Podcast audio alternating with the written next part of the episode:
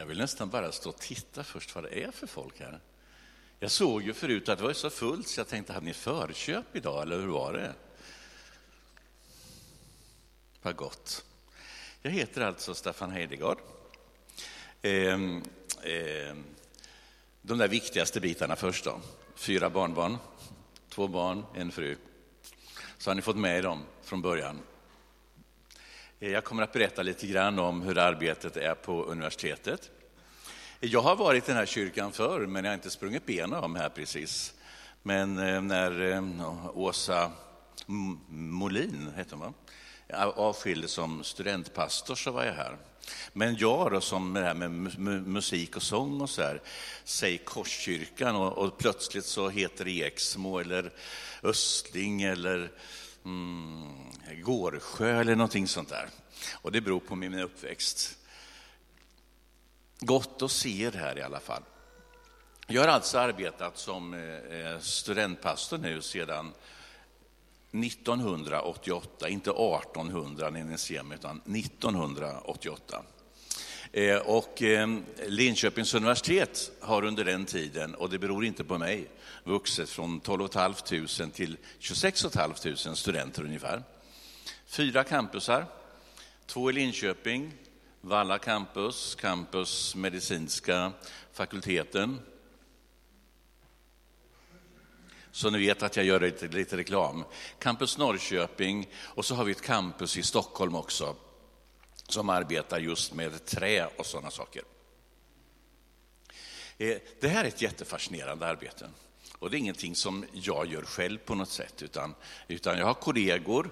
Det finns jättefräscha kristna studentföreningar som jag samarbetar med. Så det finns en hel del personal också som eh, delar med sig av sin tro i alla möjliga sammanhang och framför allt lever ut sin tro. Eftersom jag har varit med under så lång tid så har jag fått se saker och ting utvecklas. Utifrån det här som du och jag har med oss, att vi har fått med oss förhållningssätt i kyrkan som vi tycker är självklara egentligen. Eh, en av de första bitarna som jag såg en gång i tiden, det var att det finns ingen som utbildar våra faddrar, du vet de där som har på sig lekbyxor och ska leka med de nya studenterna. Det är ingen som utbildar dem i ledarskap. Så vi var tre stycken som sa, så här kan man inte göra.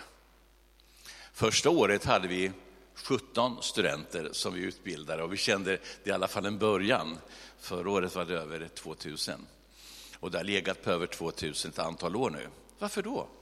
Ja, men vi har ju en ansvarskultur. Vi har en ledarskapskultur och den tar vi med oss i andra sammanhang.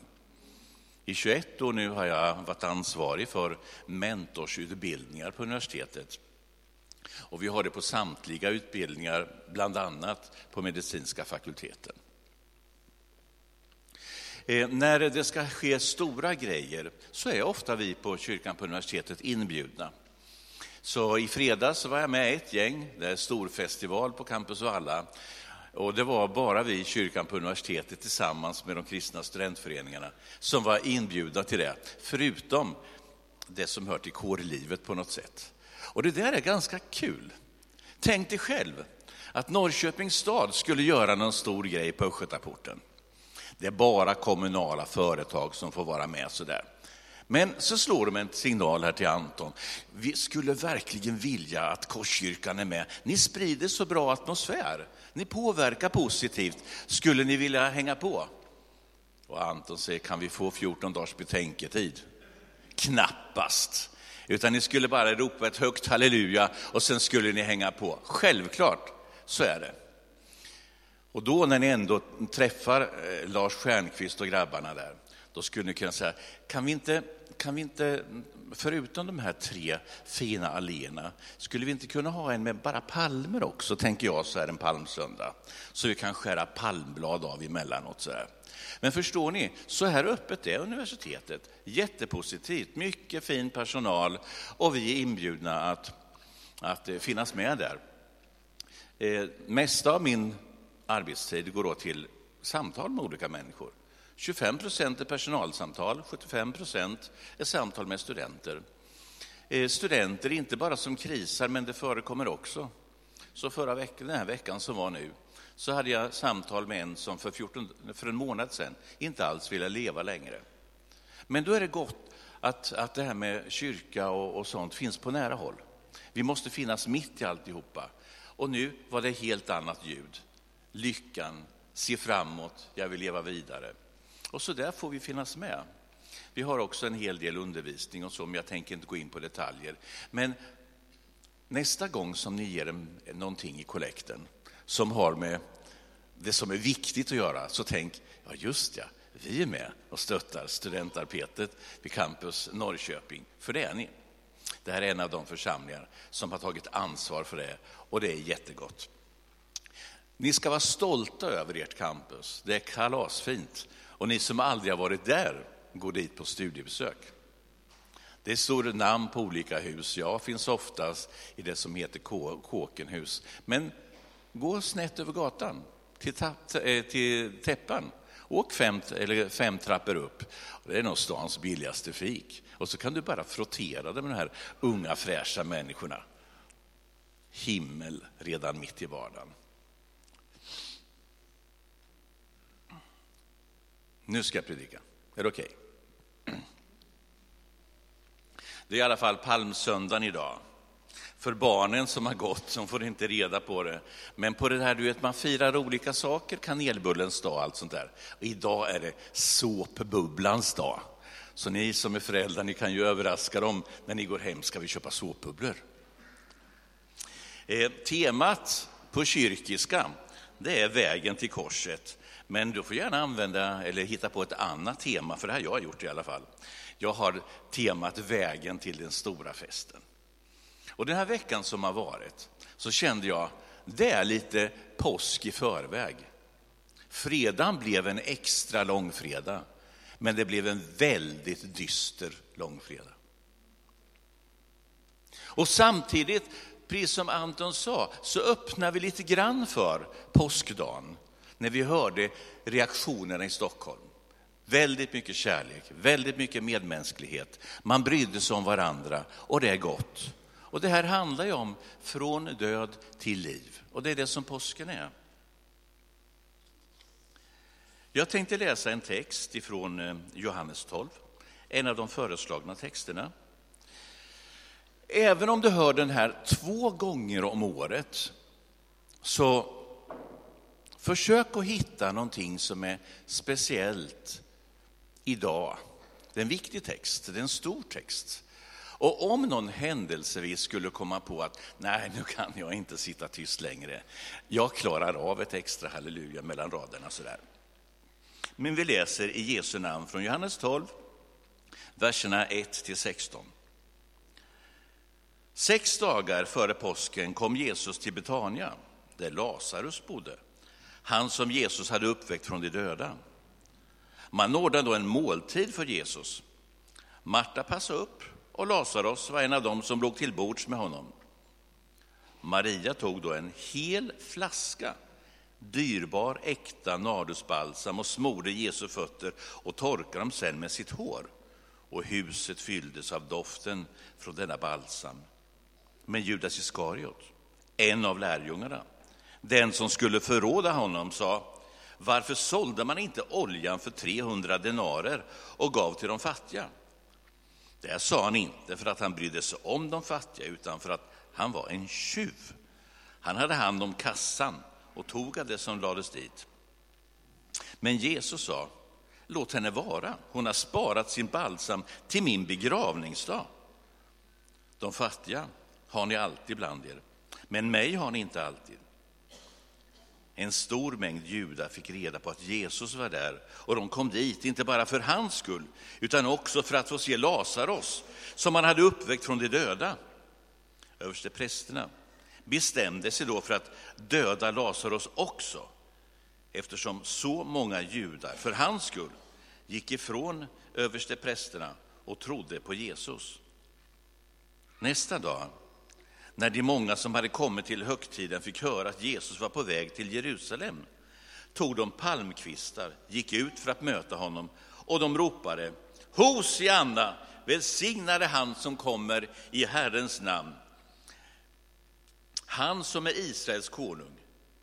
Jesus fick tag i en åsna och satte sig på den, som det står skrivet, frukta inte, dotter Sion, se din konung kommer sittande på en ungåsna. Lärjungarna förstod inte först detta, men när Jesus hade förhärligats, då kom de ihåg att som det står skrivet om honom, så hade man gjort med honom. Amen. Vi beder. Gud, vi vill tacka dig för ditt eget ord. Och även om det när vi har det ser ut som bara papper och trycksvärta, så vill du låta det här bli någonting levande för oss. Mat för vår inre människa. Det där som vi behöver för att kunna leva som människor fullt ut. Tack för att du är här. Du vet vad vi behöver som grupp och du vet vad vi behöver som individer. Och ibland så gör du så att vi kan säga att det finns ett före och ett efter. Och vi vill gärna uppleva dig på det sättet idag. Amen. Temat Vägen till korset tycker jag kan, att det kan vara svårt att applicera just på den här texten. Det är en hyllning och det är ett erkännande som Jesus får. Men skillnaden mellan succé och fiasko, mellan hjälte och stolpskott och mellan snille och byfåne är ibland hårfin. Den här Jesus som texten hyllar eh, hurrades faktiskt fram till sin avrättning. Och när han såg ut som sin tillvaros största förlorare, en riktig loser, då överraskar han med historiens allra största triumf. Jesus besegrade döden och då fanns det inget annat som kunde hindra honom från att fullständigt defilera. Han förintade allt motstånd. Ingen liten futtergrann eller någonting sånt där. Inte ett enkelt OS-guld, glöm det. Inte kröning till kung i en liten bananrepublik som Palestina. Nej, här talar vi om en absolut seger över alla krafter som vi övriga måste böja oss under, åtminstone tills vidare. Och varför väljer jag då att fokusera på tanken när temat är vägen till korset? Är jag rädd för döden?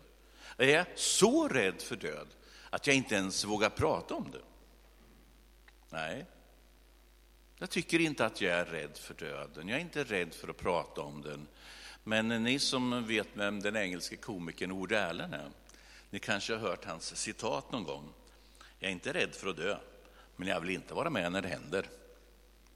Och det där kanske vi kan känna igen oss i lite till mans. Men jag är inte heller rädd för sorg, jag möter det varje vecka. Och jag är inte rädd för det tunga, för att om jag hade varit det så skulle jag inte varje termin vara med flera hundra studenter när de för första gången möter död på riktigt. Och jag hade en sån vecka för två veckor sedan. Men det jag däremot är rädd för, det är att vi ibland, traditionstyngda och ceremoniförtjusta, under passionstiden tar ut mer av Jesu död än av Jesu uppståndelse och hans seger över döden. För vi är så omedvetet, omedvetet präglade av de här stora, tunga, gamla kyrkorna. Jag har själv bott i Spanien i, i nio år. Jag vet ungefär hur processionerna går, hur tungt det kan vara under påsken. Vi har fått med oss mycket av det även genom lutherdomen. Men det finns en orsak till att många av de katolska kyrkorna i de latinamerikanska länderna hämtar sin inspiration för gudstjänsterna från den karismatiska rörelsen, från de evangelikala kyrkorna. Därför man vill hitta livet. Och jag tror att vi också i Sverige skulle behöva en ny reformation där vi går tillbaka till källorna och ser vad är det vi har för seger. Och det är inte det att man plockar fram facit i förväg bara, men vi kan leva i det. Så därför när jag går upp till Jerusalem den här veckan eller överhuvudtaget så går jag med i historiens allra mäktigaste segerprocession.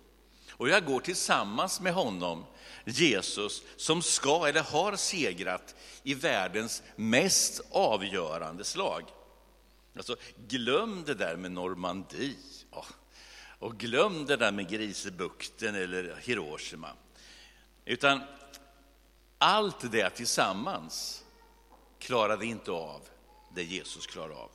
Utan han fullständigt till intet gjorde avgrundens avsmulne demon. Allt han stod för, den härskaren. Och därför går jag med i den här processionen och jag vet redan utgången. Så när Jesus går upp till Jerusalem, och ni som har varit där vet att man säger inte bara så, utan den elände backe rakt upp. Då handlar det om slaget om människan, eller slaget om mänskligheten eller världen. Det är en strid på liv och död, nu eller aldrig. Inget oavgjort och inget remi. Och här är det möjligt, ja, i det här triumftåget går du och jag med. Nej, vi småspringer, jag tror det. Och vi har facit i handen och tårarna sprutar och sprudlar av sprudlande glädje hela tiden. Och stämbanden, ja de har för länge sett sen tagit slut därför att vi kunde inte hålla inne med denna ofantliga bit. Det är som en försmak av himmel hela vägen. Vad är det vi jublar inför? Jo, han som vi går tillsammans med. Jesus, Lammets seger. Han finns där och det är han som vi fokuserar på. Och så kommer det här som texten beskriver när segraren, kung Jesus, rider triumferande in i stan och hela stan står som på tå för honom, som just där och då och för alltid är universums absoluta centrum. Fatta, han, han har valt att i sin storhet kunna rymmas i ditt och mitt hjärta.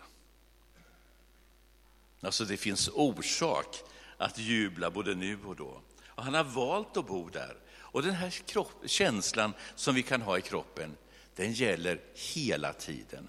Så nu när vi går in i påskveckan, kom ihåg, vi går i triumftåg.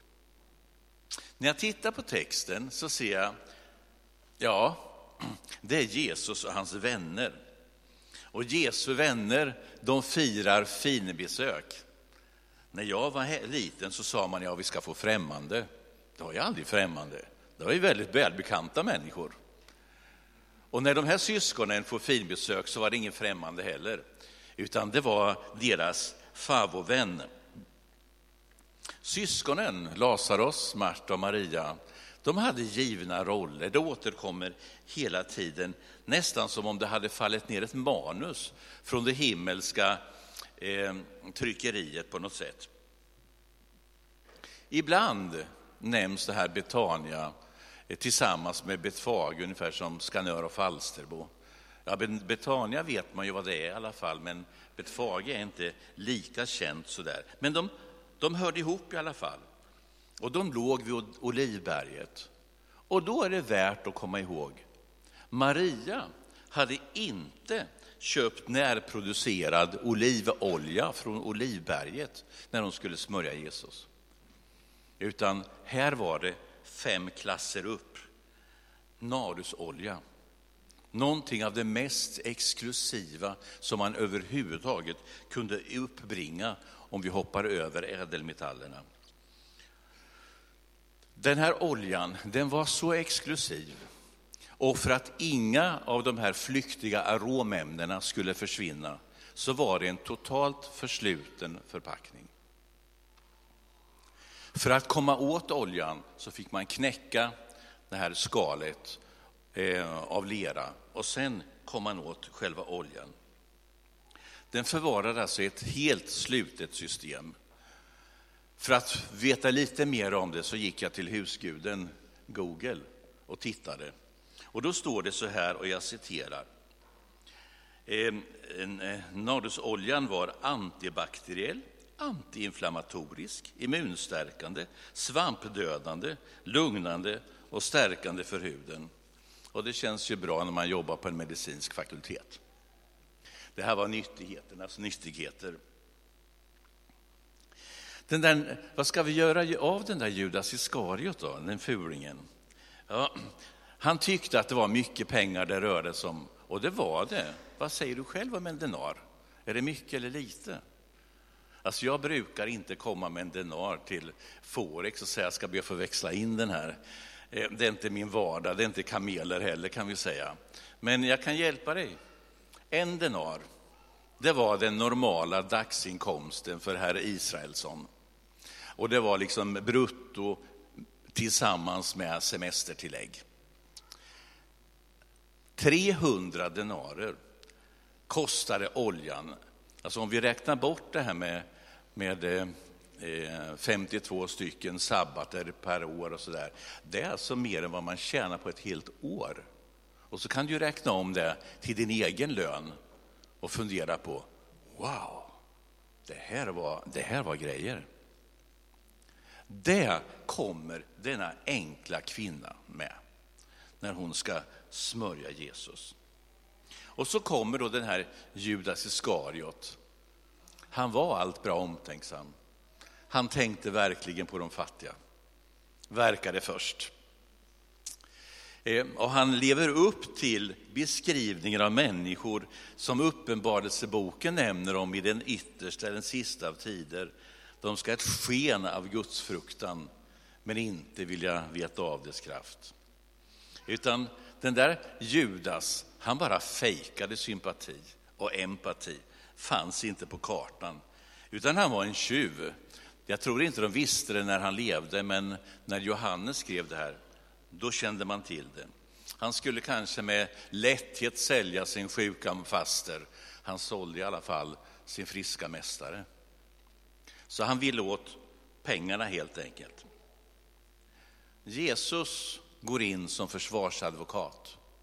Stör inte. Hon har sparat sin balsam till min begravningsdag. Men med facit i handen så ser det mer ut som att hon var den som skulle smörja Jesus till kung, inte inför en begravning. Beskrivningen av det här hemmet är ungefär som att de, de fanns där under eh, öppen ridå. Och det här var ju liksom innan paparazziernas tid.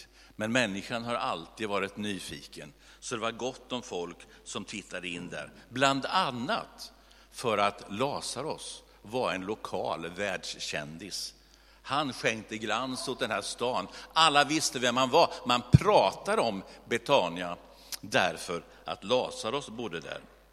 Och det är klart, är man på något sätt i konkurrerande bolag, som översteprästerna var, så fanns ju avund. Självklart. Och de funderar på, hur ska vi få bort den här eh, reklamfiguren som Lazarus är? Och så ser vi i texten att de planerar ett av de simplaste dubbelmorden i historien.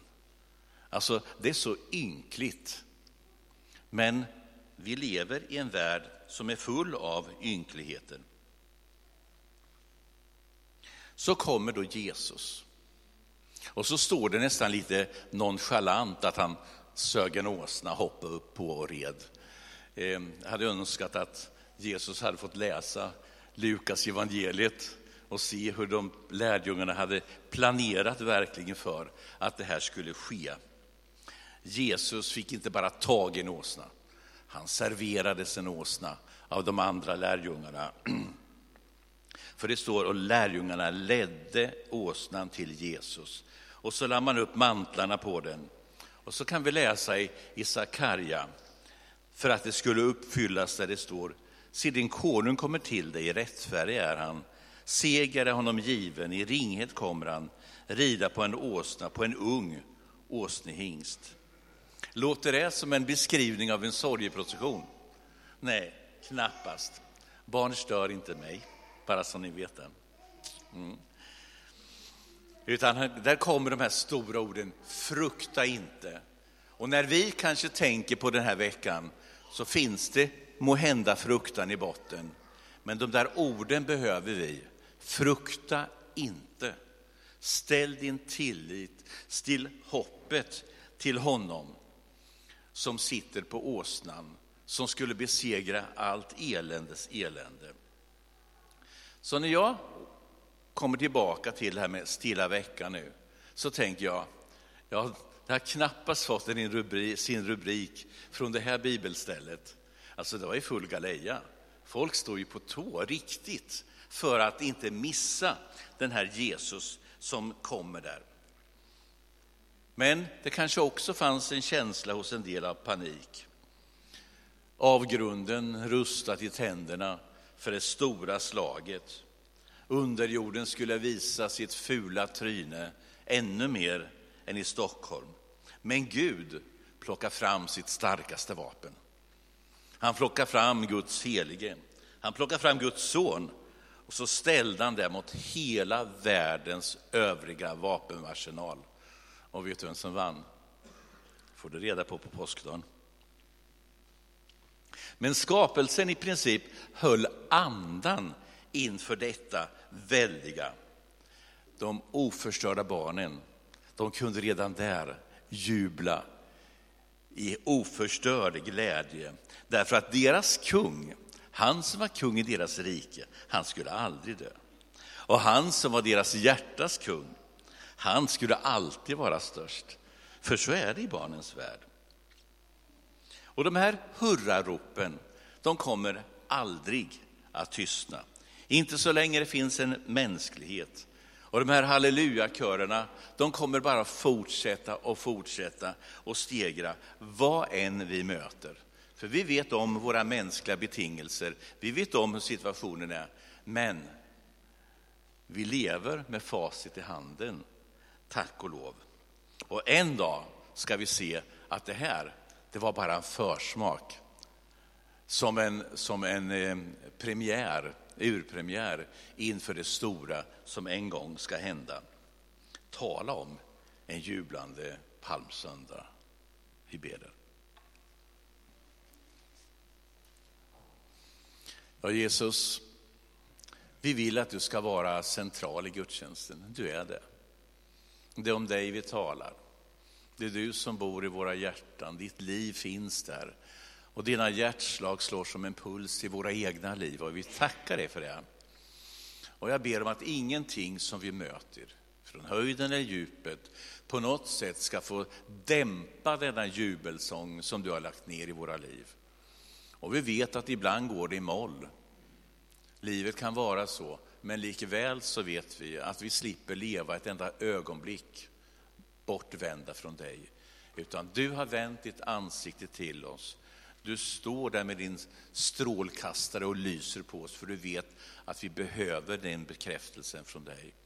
Och jag ber, som för var och en här, låt inte en enda uppleva ett ögonblick av att vara bortglömd av dig. Amen.